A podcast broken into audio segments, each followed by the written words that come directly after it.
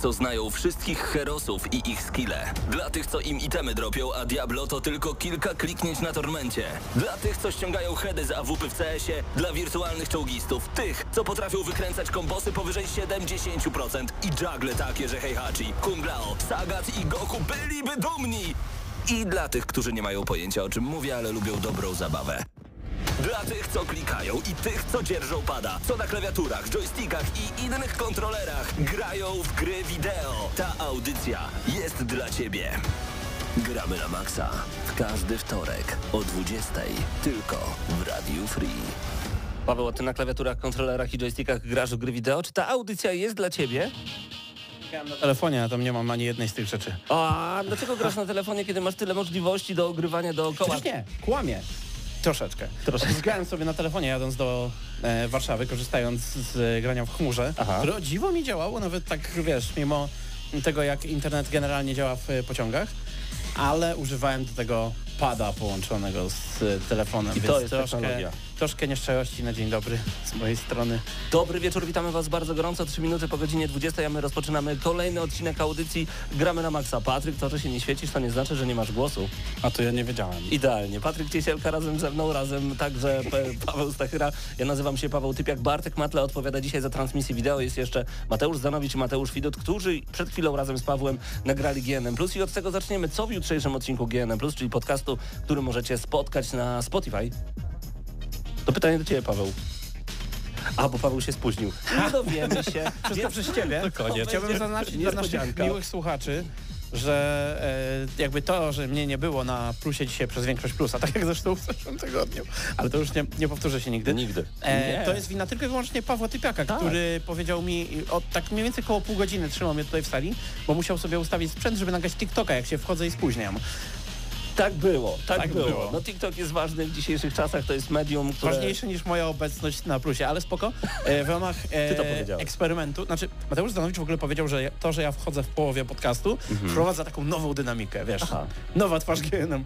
Rozumiem. Natomiast e, też e, dla naszych słuchaczy to będzie wielka niespodzianka, bo e, to, co mamy zawsze na początku, czyli wrażenia z gier, w których graliśmy, pojawia się też na samym końcu. To Opowiadam prawda. trochę o Settlersach, o których dzisiaj też opowiem tutaj na audycji, może troszkę szerzej, ale no to już myślę troszkę później. Dziś będziemy mówić o tych Settlersach, to prawda, ale także będziemy mówić o Hogwarts Legacy. Będziemy łączyć się z Krzyśkiem Lenaczykiem, którego znacie jako Pan Kogito. Mam nadzieję, że nadajemy także w tym momencie na Twitchu, bo to pierwsza nasza transmisja na Twitchu. Na YouTubie jesteśmy już od zawsze, więc piszcie sobie Gramy na Maxa i tam możecie nas znaleźć. Także na Facebooku Radia Free oraz Gramy na Maxa, czyli dzisiaj jesteśmy wszędzie. No i oczywiście tradycyjnie na antenie Radia Free w Lublinie do 40 km zasięg.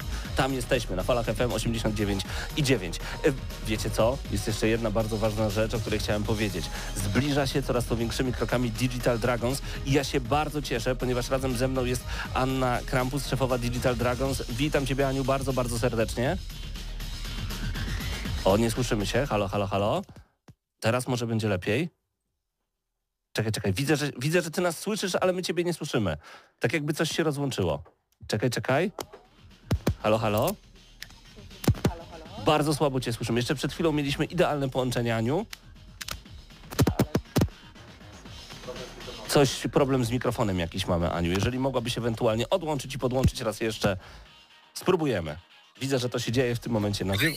O, jest! Już nie ma. Przez chwilę było. Przez chwilę byłaś, przez chwilę byłaś razem z nami. To jest, to jest ta sama dynamika, co z plusem. Rozumiem. Czyli, że w połowie się uda Zaczyna, może. tak, zaczynamy wywiad, ale gość wywiadu pojawi się w połowie. E, może tak być. O, coś. Może teraz będzie lepiej. Jeszcze nie. Próbujemy. Cały czas to jest audycja na żywo, tu mogą się dziać takie rzeczy, także na spokojnie, Aniu. Tak jest. Widzę, że uśmiech twarzy nie schodzi i to jest najważniejsze. Nic nie słyszymy niestety. Aj, aj, aj. Słyszymy tylko, że poprawiasz mikrofon. Teraz też nie. Coś musi się dziać z hardwarem. O! Było przez chwilę? Nadal. Teraz powinno być słychać. Jest! Doskonale. Alleluja. Zbliżę się do mojego po prostu laptopa i teraz Super. na pewno będę słychać. Fantastycznie. Teraz Cześć, witam serdecznie. raz jeszcze Anna Krampus, szefowa Digital Dragons. Dobrze mieć Cię tutaj w Gramy na Maxa. Nie mogłem się doczekać tego spotkania, ponieważ cały czas słyszymy o tym, że nadciąga Digital Dragons, ale powiedzmy tym, którzy tak naprawdę nie wiedzą, nawet fanom gier i nie fanom gier, czym Digital Dragons właśnie jest. To tak w wielkim skrócie. Digital Dragons to konferencja biznesowa, e, na której gromadzimy, można powiedzieć, bardzo szerokie grono no, twórców gier, producentów gier. Można tam spotkać nie tylko właśnie e, samych twórców, ale też inwestorów, e, wydawców, media, także całe środowisko, które związane jest e, z szeroko pojętym game devem. Nasza konferencja jest, ma charakter międzynarodowy. W zeszłym roku było prawie 30% uczestników z zagranicy, więc staramy się jak najszerzej te nasze macki wyciągać, e, żeby pozyskiwać e, uczestników e, z różnych zakątków świata, e, żeby ten e, globalny produkt w postaci gier e, jak najszerzej promować i jak najszerzej traktować. To już jest kolejna edycja, prawda? Czyli tak naprawdę macie już doświadczenia z poprzednich lat i jaka będzie edycja na 2023 rok? No możemy powiedzieć, że już jesteśmy nieco starą konferencją. W zeszłym roku świętowaliśmy jubileusz. Ponad 2000 uczestników zgromadziło się e, w, w krakowskim Centrum Kongresowym AIS, także sporo faktycznie. Przyjechali ludzie z Japonii, z Tajwanu i tak dalej, i tak dalej. E, No w tym roku przed nami szereg rzeczy, które są nieodłącznym elementem Digital Dragons, czyli wykłady. Ponad 100 wykładów e, w siedmiu ścieżkach tematycznych, takich jak programowanie, biznes marketing, sztuka e, w grach, e, czy mm, e, zarządzanie, mm, zarządzanie. E, Także tych ścieżek e, mamy sporo. W zeszłym roku też włączyliśmy nową ścieżkę blockchain. Na pewno też będziemy e, ją w tym roku utrzymywać. Myślę, że wśród wykładów ważnym tematem w tym roku będzie temat sztucznej inteligencji, bo myślę, że wszyscy w tym roku bacznie przyglądają się Oj tak.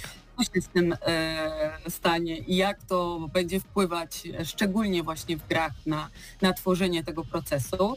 E, No oprócz tego mamy strefę Expo dla firm, które są rozwinięte i szukają na przykład talentów, pracowników do swoich studiów, ale mamy też e, strefę e, Indie Showcase, do której serdecznie zapraszam niezależnych twórców gier, tych początkujących, e, którzy mają swoje jakieś pierwsze prototypy gier i chcą znaleźć wydawcę, właśnie inwestora, który zainwestuje, czy też media, które rozpowszechnią e, już być może zbudowany, zbudowaną e, grę. Mamy też atrakcyjne nagrody dla tych e, osób, które wezmą udział w naszym konkursie. To Jeszcze powiedz mi jeszcze, właśnie powiedz mi taką Mhm. rzecz, czyli powiedzmy, bo ostatnio coraz więcej game developerów, szczególnie z Lublina, zagląda właśnie do gramy na maksa. Mieliśmy Pyramid Games, za chwilę Black Eye Games e, pojawi się także u nas z ich nadirem i nie tylko. E, Czy mogą jeszcze się zgłaszać do Digital Dragons? Do kiedy ewentualnie można się zgłosić, żeby pokazać Mhm. swoją grę? Jak to działa? E, tak, no strefa Indii e, jest otwarta, zgłoszenia do tej strefy e, zbieramy do 15 marca. E, oprócz tego mm, osoby, które chcą się wystawić na, na takim stoisku przeznaczonym właśnie dla niezależnego twórcy gier, e, mamy też specjalny marketplace, tak można to nazwać, gdzie z jednej strony e, gromadzą się właśnie e, twórcy szukający inwestorów, e, wydawców. Po drugiej stronie mamy właśnie tych inwestorów, wydawców. Można tak zwanie zapiczować grę, Mhm. czy też swój pomysł na grę i znaleźć partnera biznesowego. Myślę, że to jest bardzo ważny element w dzisiejszych czasach. To jest jedyny element Digital Dragons tegorocznej konferencji, który jest online'owy.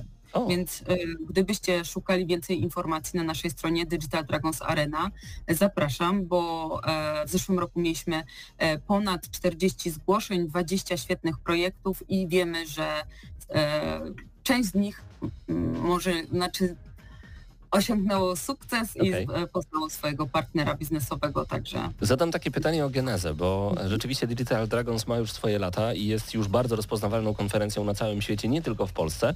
E, Skąd się wzięła jakaś taka potrzeba stworzenia tego typu konferencji?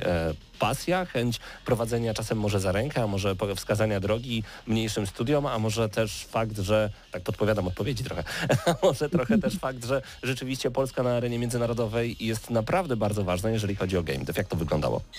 Mm, Wiesz co, zaczynaliśmy e, tak naprawdę w 2012 roku i trochę o game devie mało się mówiło, bo po, po, powiedzmy, że to był jeszcze czas przed Witcherem, który jakby otworzył świat na, na polski game dev, który teraz jest bardzo doceniany i profesjonaliści z Polski są rozchwytywani e, za granicą, E, więc to były bardzo dawne jeszcze czasy i tak naprawdę Digital Dragons powstało po to, żeby docenić i rozdać nagrody Digital Dragons Awards, które które są dość znane dla polskich producentów, ponieważ nie było takich nagród dla właśnie polskich twórców gier, de deweloperów. E, I wymyśliliśmy, że w takim razie my chcielibyśmy stworzyć takie wydarzenie, które doceni właśnie e, tychże twórców, ich produkty, muzykę, oprawę graficzną itd., itd. I też przy tym nabudowaliśmy dodatkowo wykłady i tak powstawał element po elemencie. Co roku dodawaliśmy kolejne, e, kolejne właśnie elementy, Mhm, tak mhm. słowa, kolejne moduły Digital Dragons. No i teraz stworzyła nam się naprawdę wielka konferencja e, z networkingiem, super imprezą, e, badge pick-upem, czyli odbiorem wcześniejszych badży, gdzie też mamy świetny networking. No, współpracujemy z największymi polskimi firmami, z CDP-em, z Techlandem, z e, Creepy Jar. e, e, Pracujemy też z firmami zagranicznymi, także no moc wrażeń i fajne jest to, że przychodzisz do ICE'a i naprawdę możesz tu, możesz tu spotkać szefa e, największych studiów e, w Polsce, ale i za granicą. Możesz po prostu podejść, porozmawiać. Nie ma tej bariery jak w e, innych e, branżach. Pięknie to się rozrosło w takim razie, gratuluję bardzo. A jeszcze takie pytanie, czy każdy może pojawić się na Digital Dragons, czy jednak jest to bardziej impreza B2B, że jednak biznes dla biznesu, e, inwestorzy dla mniejszych przedsiębiorców, jak to wygląda? E, Wiesz co, każdy może. Tak naprawdę, jeżeli myślisz o tym i chcesz się rozwijać w tej branży, bo jesteś w niej albo za, zamierzasz do niej wejść, jeśli tylko kupisz bilet na naszej stronie, to możesz wejść i, i czerpać to, co dla Ciebie najważniejsze, czyli możesz e, skorzystać z wykładów, możesz e, uczestniczyć w networkingu, żeby poznać dopiero to środowisko, a z czasem rozwijając e, swoje, nie wiem, produkty, portfolio, e, możesz sięgać po bardziej zaawansowane formy wsparcia. Wiadomo, że kto się nie rozwija, ten stoi w miejscu.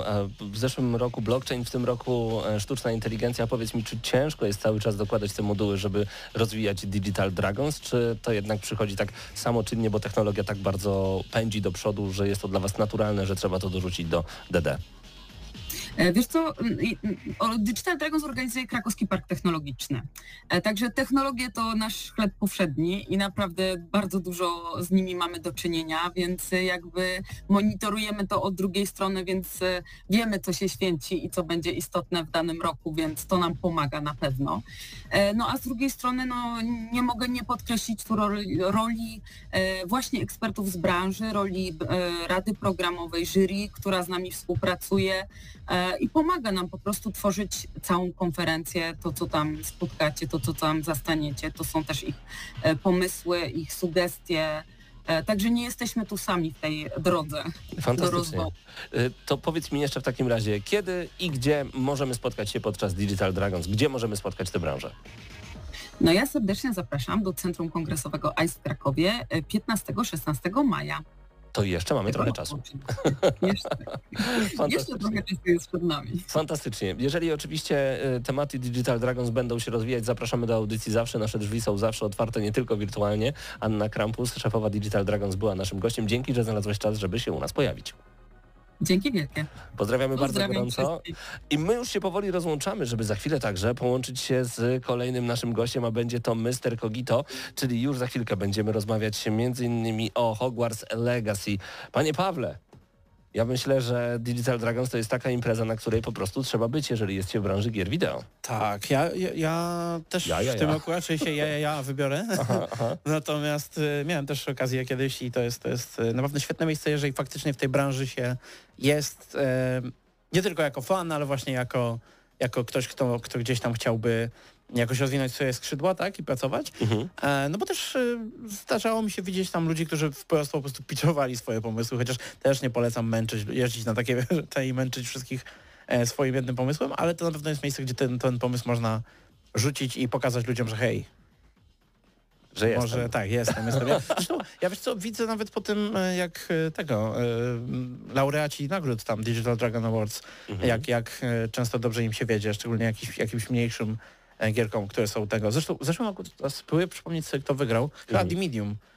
Em, Od Bluebird Team. tak, ale, ale ogólnie, ogólnie to jakby to są, to jest naprawdę mega wydarzenie i cieszę się, e, ucieszę się, jeżeli uda mi się e, w maju być Fantastycznie. w E, Krakowie. Wiem, że Anika się wybiera i to właśnie od niej za chwilę em, będziemy mogli sprawdzić, jak wygląda Newsshot, czyli najnowsze informacje ze świata gier wideo z ostatniego tygodnia. Zostańcie z nami koniecznie. My wracamy do Was już dosłownie za chwilę. Dajcie znać, czy jesteśmy także na Twitchu. E, mam nadzieję, że się udało, a dosłownie chwila przerwy i jesteśmy tutaj. Gramy na maksa.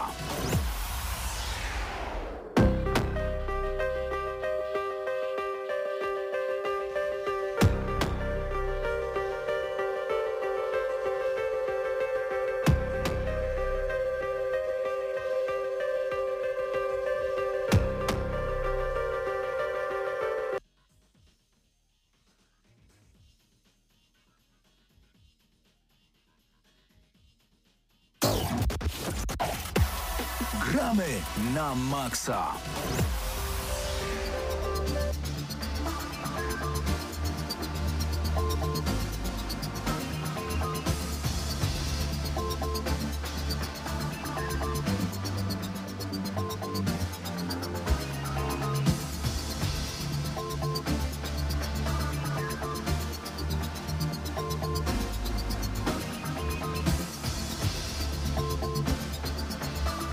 Fantastycznie. Okazuje się, że jesteśmy na Twitchu. Pozdrawiamy bardzo gorąco. Dzisiaj muzyka nas zaskakuje, dzisiaj nas zaskakuje także technologia, bo zdarza nam się, że coś grać nam przestaje. Ale to nic, radzimy sobie, jesteśmy od gier wideo. Hej! Co grałeś w ostatnim tygodniu? Ło, panie, tylko panie, telefony? ile tych gier było, nawet nie wiesz. Czy settlersi? E, właśnie wiesz co, ja w ogóle zacząłem grać znowu z jakiegoś powodu, nie wiem po co, Mhm. kto mnie do tego zmusił. Nie wiem. Ale w taką grę, na którą zawsze narzekam, a która jest niezła w sumie, jak się tak zastanowi, chyba niezła, bo chyba się ludziom podoba. Skyrim, a zacząłem grać. Naprawdę? Nie wiem, dlaczego znowu to sobie robię.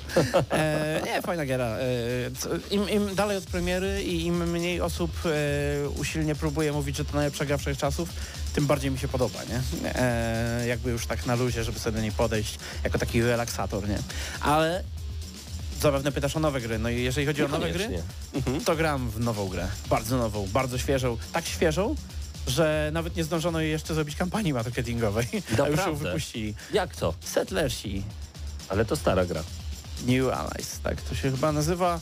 E, to jest bardzo nowa gra, znaczy stara, stara, bo długo nad nią pracują, Okej. e, a przynajmniej gdzieś tam e, powiedzmy perypetie powstawania tej gry są takie dosyć e, mm, powiedzmy sięgające daleko wstecz. Bo Ubisoft w ogóle tą grę kiedyś e, jakby za każdym razem jak ją prezentował, ona dostawała niesamowity hejt i baty. I mam wrażenie, że oni tak nie wiem, tam siedzieli gdzieś w tej shopie, w której to robią, e, zmuszali tych stażystów, żeby naprawiali to w jakiś sposób, nie dając żadnych jakby prostych e, i nawet instrukcji. No i koniec końców jakby przyszedł, nie wiem, wujek Ubisoft do tej piwnicy i powiedział, dobra, dawajcie co macie. Ale już nie skończyliśmy, wołają biedni, niedopłaceni pracownicy. Nie, y, rzucamy to na, Okej. na rynek. No i poszło na rynek. Yy, poszło bez żadnej kampanii. Jak słowo daje, nikt, nie słyszałem, żeby ktokolwiek o tej grze wspomniał. Ale to są te stare Poza Settlersy, że tak teraz. powiem, tylko w nowej wersji, czy jak to działa? Nie. Bo kiedyś była taka gra Settlers, Tak, każdy w to, nią to, jest, to jest kolejna odsłona tej Okej. serii oczywiście. I dla, dla tych, którzy nie wiedzą, Settlersi to połączenie takiego city buildera z, ze strategią czasu rzeczywistego. A więc e, city builder, w którym e, jeszcze gdzieś tam ten aspekt militarny jest, ale on zawsze był jednak tam taki drugoplanowy, tak, że e, bardziej chodziło o to, żeby rozwinąć swoją, swoją wioskę, swoją osadę i e, gdzieś tam zbudować gospodarkę, a następnie wykorzystać to, żeby komuś innemu zrujnować budowanie tej, tej osady. I to była taka, z tego co pamiętam, ja też nigdy nie byłem jakimś wielkim fanem Settlersów, także takim e, graczem, który we wszystko grał z tej serii, ale mi się ta seria kojarzy, że ona była taka zawsze mm, przyjemna, taka na zasadzie, że siadłbyś sobie z czekoladką e, gorącą e, w zimie w, w kocyku i grał w coś takiego, nie? To jest taka gra do, do relaksu, a te nowe Settlersy, problem, problem z nimi jest taki, że one nie mają już takiej duszy gry, takiej relaksacyjnej. To ta gra bardziej wygląda jak taki troszkę standard, e, standardowy, sztampowy e, RTS, przynajmniej wizualnie. E, Same miasteczka wyglądają bardzo ładnie, ale chodzi mi bardziej o to, że, że nie ma już takiego tego charakteru, tak? Sama rozgrywka, no skupia się dalej na tym budowaniu bardziej, to jest prawda, ale tak jak wyjaśniłem na plusie, tam jest taki dziwny brak balansu, jeżeli chodzi o to, jak, jak ta rozgrywka przebiega, bo e, niby oni bardzo ba, bardziej chcą, żebyś się skupił na budowaniu tej osady, ale z drugiej strony budowanie osady jest powolne i strasznie nudne. Nie, nud, nie nudne w tym, tym znaczeniu, że e, tam nie ma żadnych decyzji do podejmowania i tak dalej, tylko bardziej e, pod tym kątem, że mm, po prostu musisz długo czekać, żeby to mozolnie wszystko się tam wybudowało. Nawet nie chodzi o sam czas budowy, ale przede wszystkim o to, jak nie wiem, jak e, czekasz, żeby, żeby twoi, twoi wspaniali setlesi zabrali rzeczy, żebyś ten budynek mógł tam gdzieś postawić, tak? E, No i przez to idziesz się bawić w wojnę, no i sterujesz sobie tymi e, ludzikami i to wygląda tak dziwnie. Na przykład nawet, nawet e, takie coś jak UI ty- tych pasków życia, tak, nad głowami e, twoich e, jednostek, wygląda jak z gry, która została w, dosłownie wyjęta, z jakiegoś RTS-a, który został wyjęty z lat e, 90., ale wygląda gorzej, bo jednostki są bardzo małe i przez to na przykład jak masz takiego bloba, czyli dużą grupę y, ludzi i wysyłasz ją gdzieś tam do przodu, to te paski życia zasłaniają ci ją w całości i praktycznie nic nie widzisz. Sama walka jest taka szybka, frantyczna, bardzo przypomina mi jakieś takie mm, kompetytywne RTS-y, jakby próbowali w tą stronę iść, ale jednocześnie jest super prosta, przez to trudno mi powiedzieć, żeby oni mogli w ogóle w jakikolwiek sposób rywalizować z takimi tytułami powiedzmy dynamicznymi, strategicznymi. No i przede wszystkim ta gra jest straszliwie niedokończona. Jest... E, pomijam, pomijam UI, e, które moim zdaniem wygląda jakby ktoś je, jak, jakby to było takie UI e, placeholderowe. E, bo często jak się gra w takie gierki powiedzmy jakiś tam czas przed premierą, no to wiadomo, że w wersji beta czy nawet w jakimś prototypie to UI może być takie proste, jakieś tam nieprzemyślane jeszcze do końca, czy, czy takie e, no, kwadratowe jak tu. Natomiast e, no tutaj to wygląda jakby po prostu wypuścili z tym UI i już nie chciało im się robić. E, Gdzie w strategiach interfejs twój jak wygląda, to jest naprawdę duża wartość, bo e, ty jako gracz nie masz tutaj, wiesz, jakichś wspaniałych widoków, dynamicznych walk z wybuchami, czy, czy jakichś tam questów, żeby cię przyciągać, tylko to naprawdę, wiesz, jakby UI, który ciągle widzisz, ten interfejs jest częścią twojej, twojego doświadczenia. No ale najgorsze z tym wszystkim jest to, że to, to niedokończenie tej gry przejawia się też w tym, co jest dostępne jako opcja dla gracza, bo ja gram w to bardzo krótko, ale już prawie skończyłem kampanię. E, próbowałem grać sobie też e, takie potyczki gdzieś tam z botami i tam nie ma nic. Jak, wiesz, jak, jak normalnie w takim RTS-ie klasyką jest, że no nie wiem, wybierasz z kim, e, z kim grasz, e, jak, i, na jakiej mapie, jaki tam, nie wiem, poziom, jakieś tam, nie wiem, czy surowce są dostępne, czy nie. To są takie podstawowe rzeczy, które są minimum przy tym gatunku. W tej grze tego nie ma, po prostu odpalasz i jak ci się nie podoba, e, na przykład na jakiej mapie grasz, to sobie włącz od nowa. aha. I to jest tak bezsensowne. Jeszcze nie miałem okazji grać To jest w gra w takim, e, można powiedzieć, w early accessie? Nie, bo to już nie będzie naprawiane pewnie. To A, wypchną okej. za drzwi i będą o tym zapominać, że to w ogóle istniało. E, niestety, e, to nie, znaczy tak jakby, nie wiem, czy można powiedzieć, że to nie jest największy problem, bo to jest duży problem, że to jest niedokończone, ale e, jakby jeszcze to by się dało znieść, gdyby nie fakt, że taka ciągle wywala się do pulpitu, przynajmniej u mnie, a nie mam jakiegoś kompa, który by tego nie uniósł. Czyli Tak? Settlersów na chwilę obecną nie polecamy, czy jednak fajnie się gra, a mimo to ma jakieś problemy? Chciałbym, żeby fajnie się grało. Ja, Okej. ja, jeszcze, ja jeszcze rano miałem e, bardzo taką niejednoznaczną opinię, no bo generalnie klimacik jest, y, znaczy klimacik, no tak jak mówiłem na początku, że tego klimatu nie ma akurat, ale gdzieś tam, to jest taka luźna rozgrywka, jest łatwa przede wszystkim, jak na takiego RTS-a, gdzie ja też jest rynek na łatwe RTS-y, takie relatywnie łatwe, wiesz, y, y, które Ja nie, nie wymagają od ciebie 50 kliknięć Tak, tak, na tak, ja lubię sekundę i tak dalej. Niemniej, e, jakby to wszystko się rozmywa tą właśnie taką tym, tym poczuciem, że grasz w coś, co, co wycie... O, to, to jest jak taki, jak wyciek jest czasami jakiejś gry i widzisz potem gdzieś na YouTubie czy ktoś tamtego i to jest takie, wiesz, wszystko nie, niepodokończane i tak Rozumiem. dalej. To, to, mam wrażenie, że gram w wyciek e, To ja teraz powiem jak taki stary wujek, wiecie, co za każdym razem, kiedy ktoś mówi o jakiejś grze, a on grał tylko w Wolfensteina i się wtedy odzywa, to ja teraz tak się odezwę.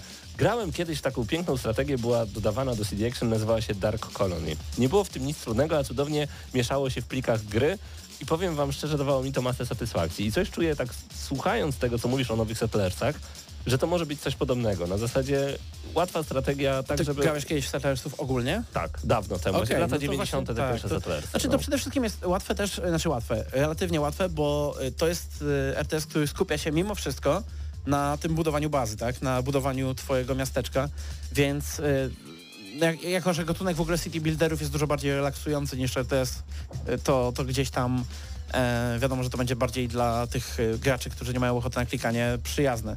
Ale jednak ten aspekt wojenny się tam pojawia. No z drugiej strony, z drugiej strony nie będziesz miał raczej z nim problemu. Cała wojna, wiesz, to jest przeciągnij e, myszką nad wszystkimi swoimi jednostkami, kliknij na, na, na wroga miasto i do widzenia. Okej. Y, To tyle o Settlersach. Polecasz, nie polecasz? Nie, niestety nie polecam, bo to jest też, kurczę, takie, nie, nie wiem jak to, na ile, co mogę pomówić, ale jest kurczę drogie. Wow. jest bardzo drogie, Okej. jak na to, co się dostaje tutaj w tej paczce. Rozumiem. No to w takim razie na chwilę obecną mówimy y, szczere nie na niedokończone gry. Widzę, że Krzysiek Lenarczyk już czeka i ja nie mogę się doczekać tej rozmowy również, bo on chyba przeniósł się już naprawdę do Hogwartu, mam takie wrażenie. Halo Krzyśku, czy my się słyszymy już w tym momencie? Mam nadzieję, że tak jest. Halo, halo. Halo, ja cię słyszę, mam nadzieję, że ty mnie tak. Rewelacja. To już za chwilkę wrócimy tutaj do rozmowy i będziemy mówić właśnie o dziedzictwie Hogwartu, więc nigdzie się nie ruszajcie. A jeżeli możecie, odpalcie nas także na YouTubie, tudzież na Facebooku, tudzież na Twitchu. Tam cały czas nadajemy na żywo audycję, gramy na maksa. Jak lubicie gry, po prostu zostawcie nam wszędzie suba, żeby was nic nie omijało z tego, co mamy dla was. Już za chwilę dziedzictwo Hogwartu. Bądźcie tutaj. Gramy na maksa.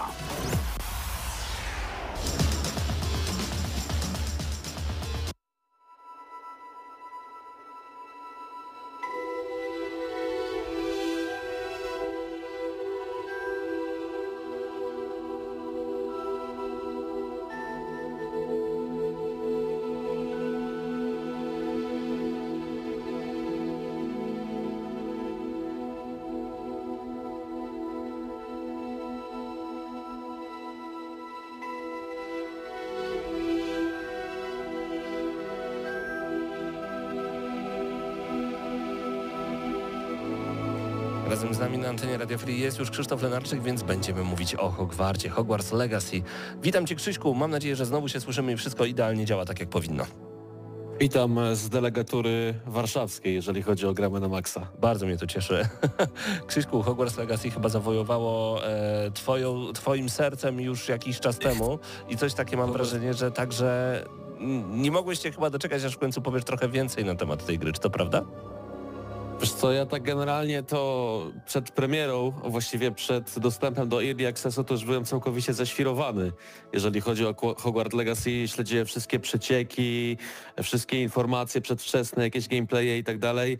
I mówiłem sobie, kurczę, ja w to w końcu muszę zagrać. No i jak dorwałem się do tej gry, to przez pierwszych kilka dni nie mogłem się od niej oderwać i byłem nią całkowicie oczarowany. Później okazało się, że jestem jeszcze bardziej oczarowany tą grą jako e, produktem rozrywkowym, natomiast z każdą kolejną godziną też zacząłem dostrzegać swego rodzaju wady, stąd też e, no nie ma co ukrywać, jestem największym Potterheadem w redakcji, jestem w ogóle jednym z największych fanów e, mm, Harry'ego Pottera, właściwie świata Harry'ego Pottera w ogóle, jakich znam. To I- czekaj, i czekaj, czekaj, czekaj. Jak jesteś takim wielkim Potterheadem? Wingardium Luviosa czy Leviosa? No, ta pierwsza wersja chociaż też i tak jest nieprawidłowo wypowiedziana przez ciebie, więc... Specjalnie tak to naprawdę- robię, tak. Hermiona poprawiała w końcu tutaj chłopaków w pierwszym filmie. No, no tak, to dosyć oczywisty żart. E, Natomiast e, wracając do samej gry, e, z czym tutaj tak naprawdę mamy do czynienia? Hogwarts Legacy to jest gra mm, RPG z otwartym światem. No i następnie trzeba zaznaczyć, że z ograniczeniem z kategorią wiekową PEGI 12 i to tak na, e, 12 plus y, i to tak naprawdę czuć od samego początku. Co to znaczy dla Hogwarts Legacy? E, Ta gra jest grą dla każdego, dosłownie. To znaczy ona bardzo długo gracza wprowadza do e, mechanik, do, roz, do rozgrywki. E, Swego rodzaju dialogi też są bardzo mocno ugrzecznione i sama fabuła także, moim zdaniem. Myślę, że gdyby założenie było inne, że ta gra powinna mieć kategorię 16 na przykład plus, to w dialogach można by było sobie pozwolić na o wiele więcej. Samo to, że chociażby uczniowie e, rywalizujących domów, czyli e, Gryffindoru, Hufflepuffu, Ravenclaw i Slytherinu e, w żaden sposób sobie nie dogryzają i w zasadzie wszyscy wzajemnie się lubią. Bardzo często też w toku fabuły proszą siebie wzajemnie o pomoc. Jest to quasi jakby nierealistyczne i, i niezwiązane z tym światem, no ale mniejsza o to. Natomiast e, fakt faktem, gra nas bardzo długo wprowadza do tego, jak to wszystko wygląda. Samo to, że na przykład ostatnią mechanikę w grze, którą jest rozmnażania magicznych zwierząt odblokowałem po 18 godzinach gry. Wskażcie mi proszę chociaż jeden tytuł, jedną grę, która tak długo wprowadza cię z powiedzmy rzeczami, które jesteście w stanie w niej robić. Już nie mówię o tym, że miotłę otrzymałem po godzinach 12. Mam jedną grę, Xenoblade Chronicles, tak tylko podrzucę. Tam po 40 godzinach pojawiają się nowe mechaniki walki, ale to evenement. No i właśnie, i czy to jest dobre według Ciebie? Bo moim Średnio. zdaniem nie, bo o, wydaje mi się, że wszystkie rzeczy powinny być rzucone o wiele szybciej i też e, w pewien sposób tę grę by to urozmaiciło, bo momentami ma się wrażenie, że fabuła sobie, to co robimy sobie, a e, to jak swego rodzaju narracja w grze jest prowadzona, to jest i, i, i jakby zupełnie inna sprawa. Samo to też, że jesteśmy uczniem Hogwartu, e, bliżej nieokreślonym, nie wiemy skąd się tak naprawdę wzięliśmy, który trafia do szkoły magii i czarodziejstwa w Hogwarcie na piątym roku. W zasadzie w, w narracji tej gry y, byliśmy tylko troszeczkę dokształceni, douczani przed startem szkoły przez profesora Figa, e, a już w, powiedzmy w przeciągu pierwszych pół godziny gry e, no walczymy z różnego rodzaju stworami, gdzie tak naprawdę czary ofensywne uczymy się dopiero przez następne 2, 3, 4, 5 i więcej godzin. To sprawia pierwszy problem, jeżeli cho- chodzi o Hogwarts Legacy i to od razu sprawia, że e, moim zdaniem trochę ocenę tej gry obniża. Natomiast e, co jest e, fajne, co jest znakomite, co jest wyśmienite? Hogwarts Legacy bierze mm, najwyższe możliwe, najlepsze możliwe wzorce z gier typu Skyrim, o których e, wspomniał Paweł. To znaczy w tym świecie, w, e, w świecie mm, Hogwarts Legacy Dziedzictwa Hogwartu ma ochotę lizać się każdą ścianę, odwiedzić każde pomieszczenie, zwiedzić każdy budynek, każdą wioskę, bo, bo tak naprawdę w tym otwartym świecie jest co robić. Niektórzy mogą narzekać, że tych aktywności jest za mało, że na przykład nie dało się, nie da się atakować uczniów chodzących po szkole. W jakiej grze do cholerki jasnej można atakować e, dzieci albo w ogóle robić krzywdę osobom poniżej e, powiedzmy tego progu dorosłości. Także Jak wiem, można nazywa było- się Bully Canis Canem Edit. Tak tylko muszę to, jest- rzucić, bo i to, pytasz. I to jest taka jedyna tak naprawdę gra e, też związana ze szkołą, która mi się kojarzy nawet w personie. Tak jest, że tak naprawdę w tę warstwę bitewną rozgrywamy w, po nocach, a nie, nie w de facto w świecie dziennym e, i tak dalej. Natomiast e, trochę się pogubiłem w tym, co chciałem powiedzieć, bo jest tak Rozumiem. dużo rzeczy, które chciałem przekazać. Bo to wielki świat że- jest i to jest niesamowite, bo Harry... Okej, zatrzymałem się Mhm. na świecie. Lokacje, w tym Hogwart, w Hogwart Legacy, to jest coś nieprawdopodobnego.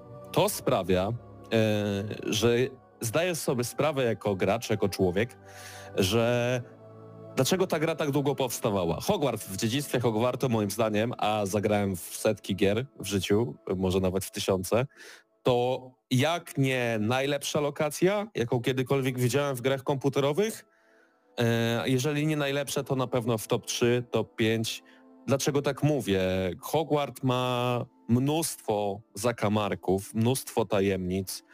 Zależnie od tego, w której części budynku jesteśmy, w zasadzie ciągle nam się wydaje, że coś zostało zmienione, coś zostało dobudowane w innym okresie, coś ma zupełnie inny styl. Gdy odblokujemy sobie zaklęcie Alohamora, okazuje się, że tych e, przejść różnych tajemnych no też nie tylko Alohomora, ale generalnie im więcej zaklęć poznamy, tym wię- większe możliwości eksploracji zamku mamy.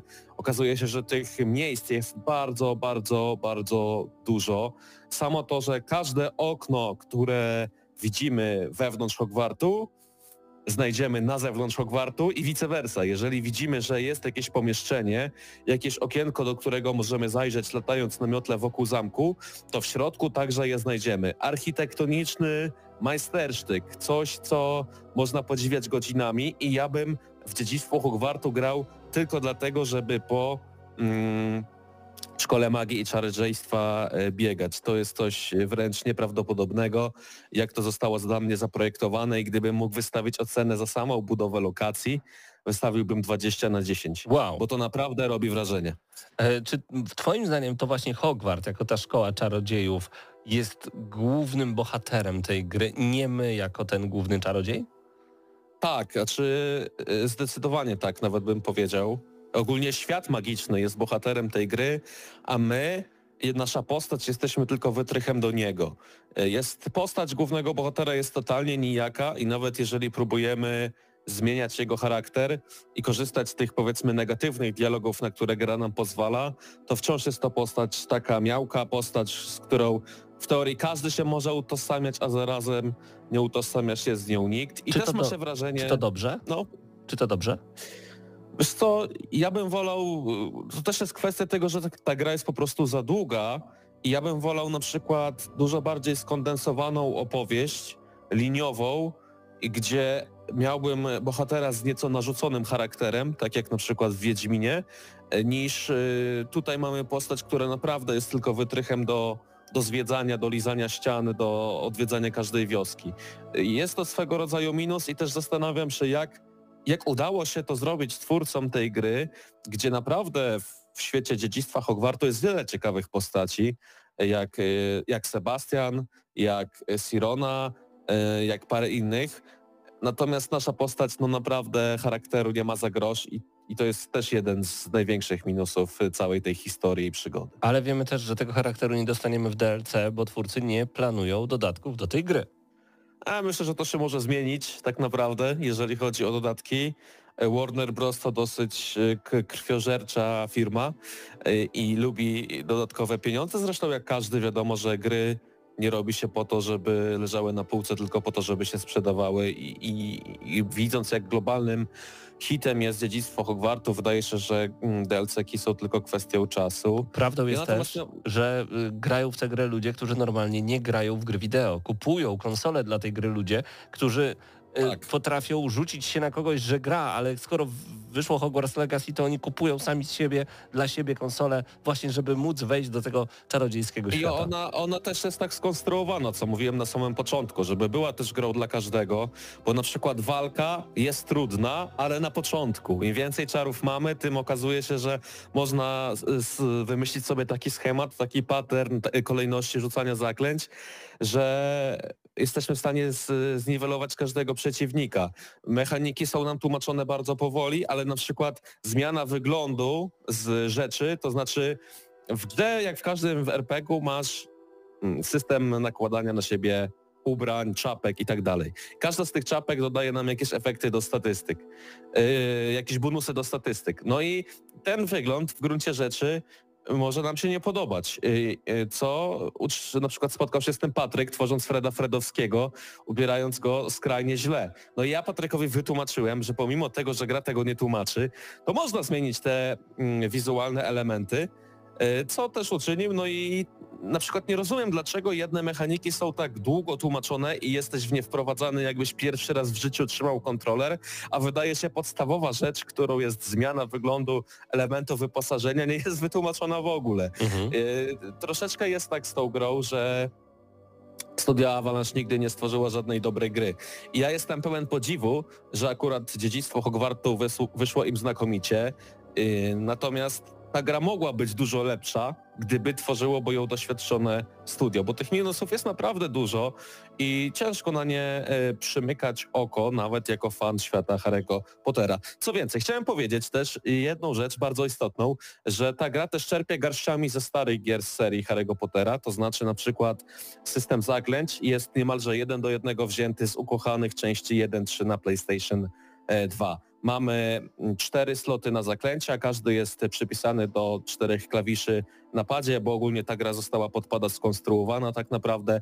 Później możemy sobie zwiększyć możliwość rzucania zaklęć do 16, no ale to jest dokładnie to samo, co było w tych częściach 1.3 na PlayStation 2. Mm, System nauki zaklęć, czyli taki tor powiedzmy, po którym musimy wykonać pewien ruch gałką analogową i naciskanie klawiszy w odpowiednim tempie, żeby ten tor, tor dobiegł do końca, to jest żywcem wyjęte z części drugiej na e, PC-ta. Sam sposób grania, czyli e, open world z e, różnego rodzaju zagadkami w stylu e, dungeonów i to bardzo zaawansowanych. Brzmi w jak zakon też- Feniksa teraz, to co mówisz. w zasadzie też grając nie miałem, nie mogłem się oprzeć wrażenia, że mało która gra, może poza Zeldą, była w stanie tak dobrze połączyć open worldy z tak rozbudowanymi dungeonami, zagadkami, e, środowiskowymi, które naprawdę niekiedy wymagają myślenia i nawet nie potrafią sprawiać e, problemy. To jest ogromny e, plus. Więc co jeszcze mogę powiedzieć, tak z luźnych wniosków, jeżeli chodzi o recenzję, że moim zdaniem wydawca gry Cenega troszeczkę premierę Hogwarts Legacy w Polsce położył to znaczy, to nie jest tak, że, że zrobili coś bardzo złego i, i że jakaś bura im się należy. I też mogę sobie na to pozwolić, bo grę z, z, zakupiłem za własne pieniądze, więc jestem całkowicie obiektywny. No ale e, seria Harry Potter jako filmy, e, osiem części filmów i trzy fantastycznych zwierząt, kojarzy nam się przede wszystkim z dubbingiem. W tej grze dubbingu nie ma. Mamy tylko napisy. Napisy są bardzo dobrze zrobione i też widać, że robiła to osoba, która kocha ten świat bo nawet takie największe smaczki są w nie wyciągnięte. No ale my tracimy jako gracze możliwość osłuchania pewnych dialogów na korytarzach, bo jest mnóstwo uczniów spacerujących, irytek, duchy, różne elementy, które wypowiadają się tylko po angielsku. I jak ktoś nie jest biegły i obeznany, to traci, nie wiem, jedną trzecią, myślę, ze smaczków tego świata.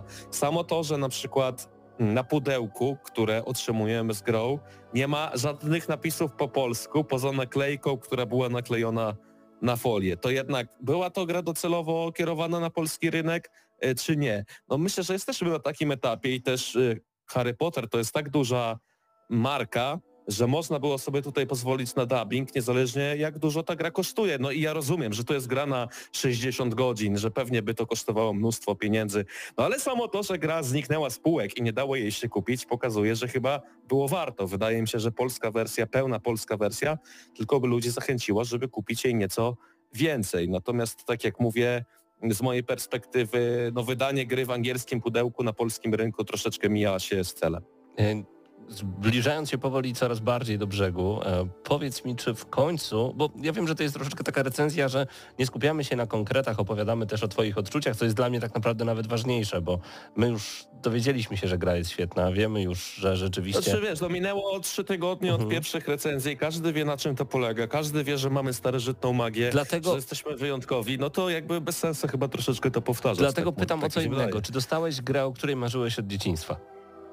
Tak, i też to jest gra, dlatego ludzie w to grają, dlatego ludzie to kupują, dlatego stało się to międzynarodowym memem. Wystarczy wejść na TikToka i w zasadzie co drugi TikTok y, y, jest związany z Hogwarts Legacy, co jest dla mnie absolutnym szokiem, bo nie pamiętam, kiedy ostatni raz gra komputerowa wywołała taki boom kulturowy.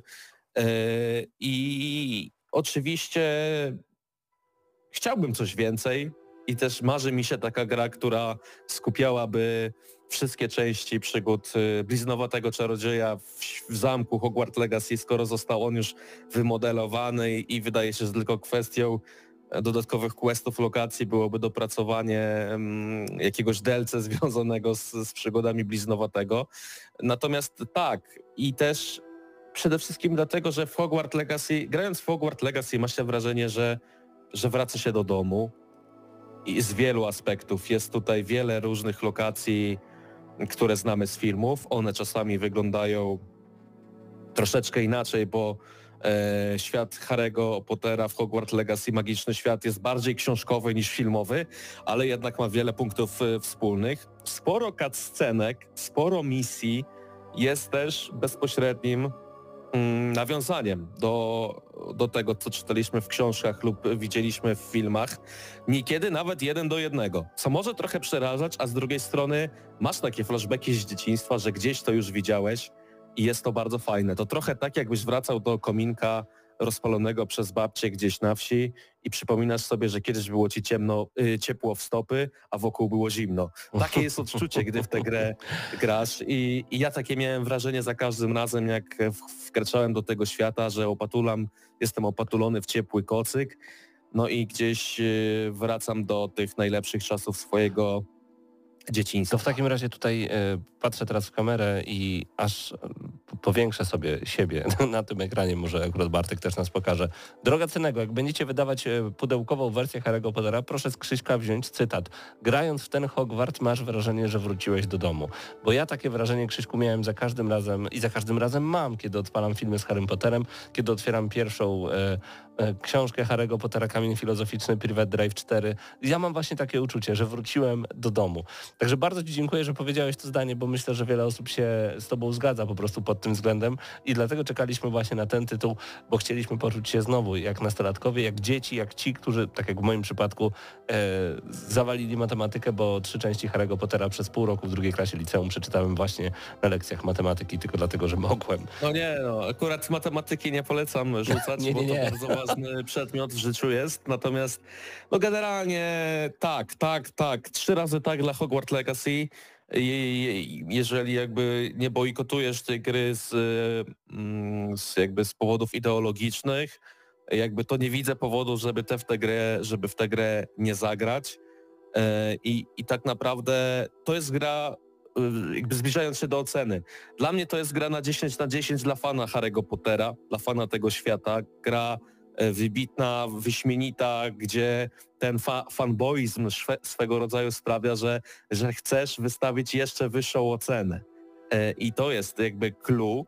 Natomiast dla mnie jako doświadczonego gracza i też wieloletniego, wieloletniego recenzenta w Gramy na Maxa, no tych minusów jest relatywnie sporo. I też na przykład mam wrażenie, i to jest może taki mój wniosek, że tych mechanik w tej grze jest po prostu za dużo. I to nie jest tak, że one są słabe przez to, że ich jest za dużo, bo każda jest dobra i jak to się jakby zbierze w kupę, to jest to nawet bardzo dobre.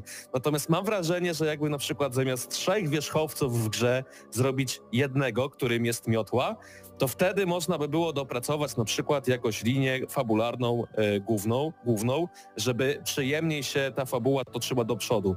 Bo moim zdaniem na przykład te questy poboczne, szczególnie quest ekskluzywny dla PlayStation mm, 5 i chociażby historia Sebastiana, to jest najlepsze, co jest w tej grze. To jest jej sól poza tym zwiedzaniem, mm, poza, y, mm, prawda, eksploracją świata. Są momenty znakomite, o momenty 10, 11, 12 na 10, jeżeli chodzi o tę grę. Ale w dużym stopniu przez to, jak niedoświadczone jest studio Avalanche, to jest gra na 8 z minusem albo nawet na 7 z plusem, zależnie od tego, co dla ciebie jest istotne, czy lubisz y, tego typu gry, a więc dla fana 10 na 10, dla każdego innego gracza 8 na 10. Y, finalną ocenę zostawiam tobie, a ja chyba pomału będę kończył, bo jeszcze jeden segment nie czeka, a chciałbym jeszcze troszeczkę sobie na miotle e, polatać e, w Rozumiem. Hogwarcie. Zresztą widzisz tutaj, jakże przytulnie w tym pokoju wspólnym Slytherinu u mnie dzisiaj jest. Ciekawe to twoje dormitorium. E, Czy mówisz też językiem węży? O, aż mięciarki przeszły, dziwnie się zrobiło. E, Krzysztof Lenarczyk był razem z nami, dzięki Krzyśku.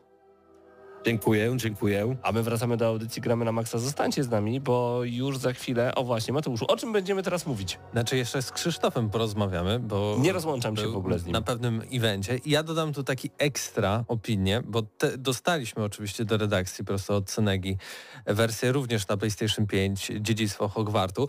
I ja w 100% się zgadzam z tym, co powiedział Krzysiek. I Jeszcze nie skończyłem, ale jestem na dobrej drodze.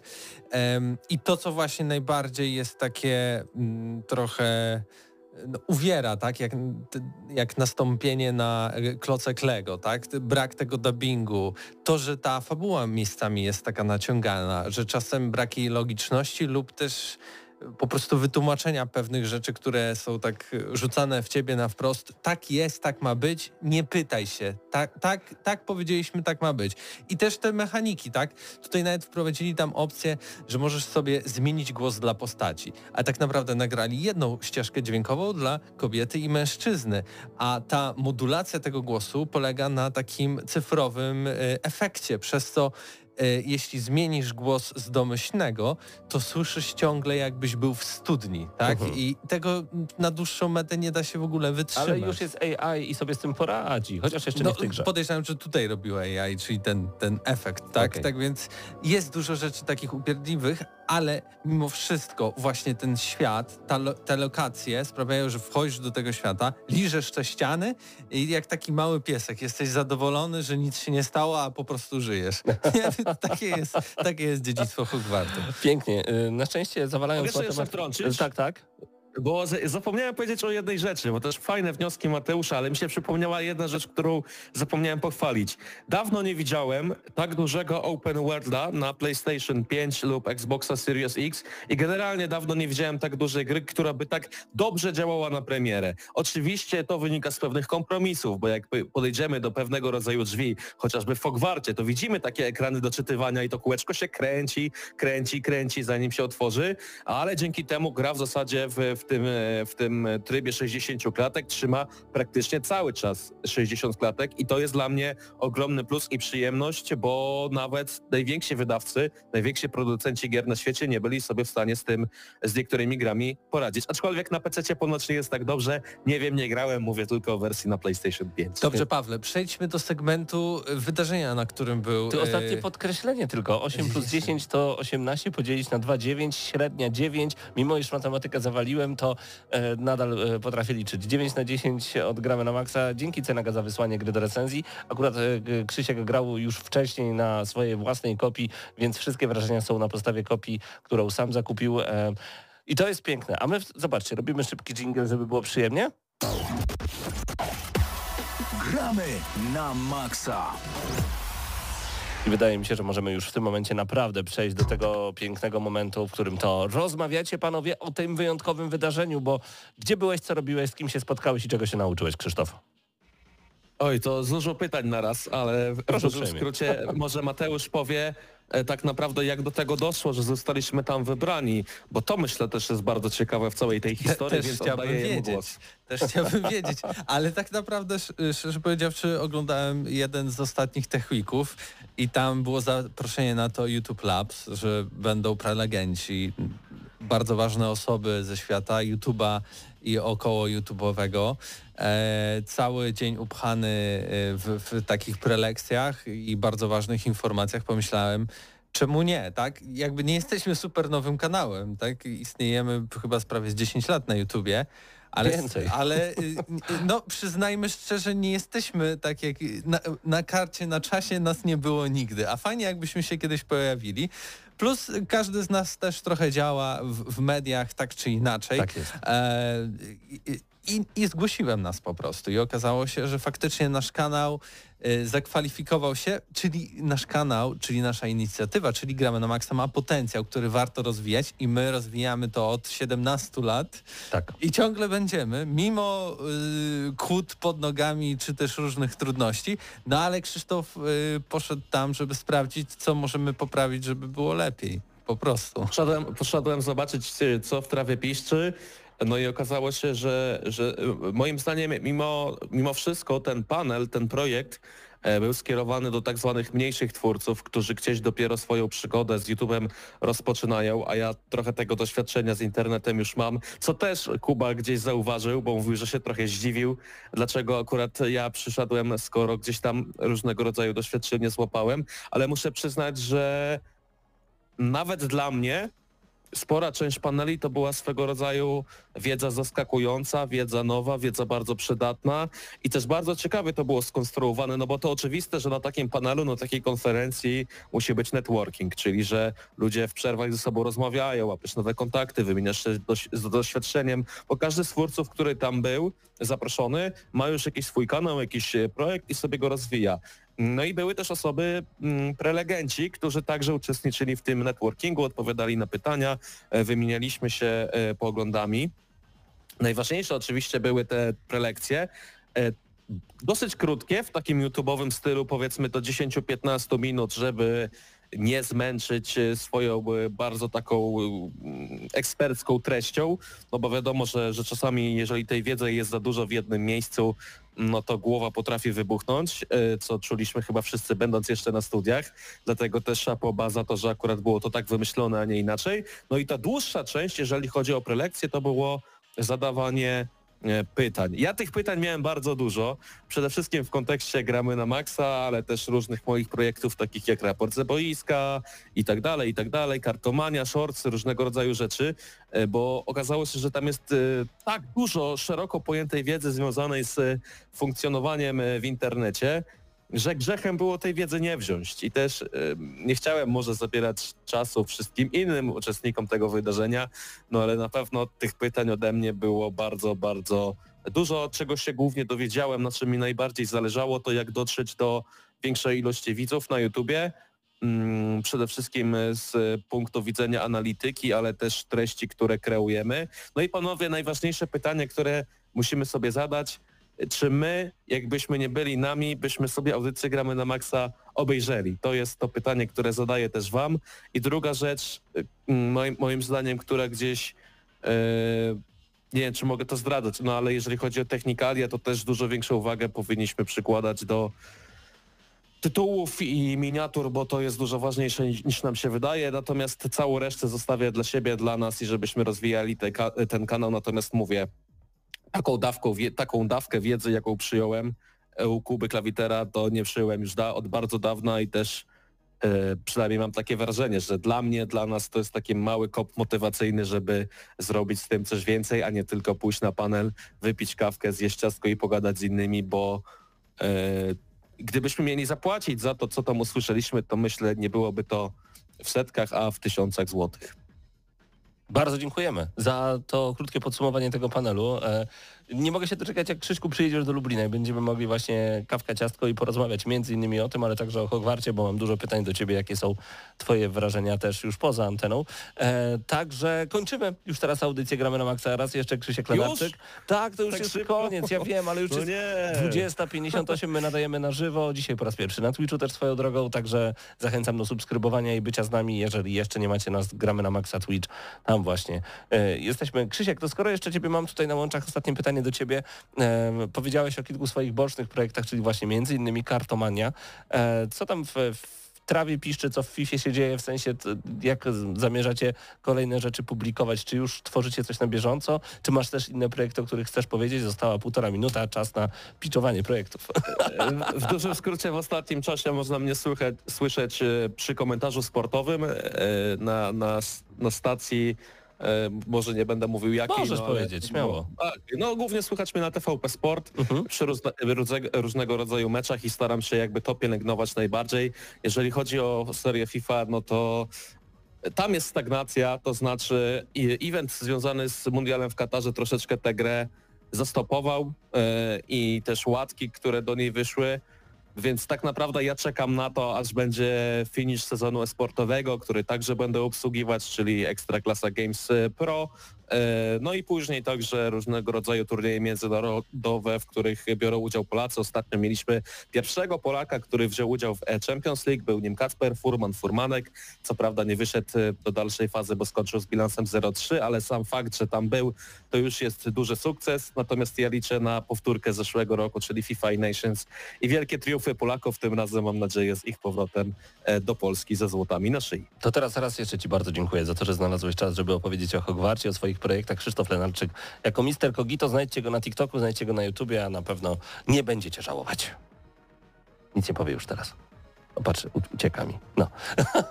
no powiem, powiem. Bardzo dziękuję i miło, że mnie zaprosiliście. I powiem wam w ogóle, że ja tęsknię za wami, za słuchaczami, za atmosferą radia, ale jednak e, jak się funkcjonuje tak na co dzień w Warszawie, to, mm, to ciężko tak regularnie przyjeżdżać do Lublina. Cierpią na tym też moje relacje między innymi troszeczkę z rodzicami, no ale coś kosztem czegoś. Natomiast jak już, jak już przyjadę, to dziś w klubie będzie bęk, także czekajcie, aż się doczekacie. Zapraszamy bardzo serdecznie, raz jeszcze Krzysiek Lenarczyk. A my kończymy tę audycję, gramy na maksa, słyszymy się już za tydzień, będziemy gadać z Black Eye Game o między innymi Nadirze, który pojawił się na Nintendo Switch, ale i nie tylko, bo będzie kilka także niespodzianek. Mateusz Widot, Paweł Typiak, Patryk Ciesielka, Paweł Stachyra. Bartek Matla jak zawsze zrealizował dla Was całą audycję, ukryty, ale nagrał jeszcze e, GNM Plus Mateusz Zanowicz szybko, co w plusie jutro? Oj, oj. E, deal e, Microsoft Nintendo. Gry od Microsoftu będą na Nintendo. O, wow. Fantastycznie, bardzo dobrze. To w takim razie zachęcam do słuchania jutro wieczorem na Spotify. A to było Gramy na Maxa, kolejny już odcinek do 800. Zbliżamy się coraz mocniej. Dla tych, co znają wszystkich herosów i ich skille. Dla tych, co im itemy dropią, a Diablo to tylko kilka kliknięć na tormencie. Dla tych, co ściągają heady z AWP w CS-ie. Dla wirtualnych czołgistów. Tych, co potrafią wykręcać kombosy powyżej 70% i juggle takie, że Heihachi, Kunglao, Sagat i Goku byliby dumni. I dla tych, którzy nie mają pojęcia o czym mówię, ale lubią dobrą zabawę. Dla tych, co klikają i tych, co dzierżą pada, co na klawiaturach, joystickach i innych kontrolerach grają w gry wideo. Ta audycja jest dla Ciebie. Gramy na maksa w każdy wtorek o 20.00 tylko w Radiu Free.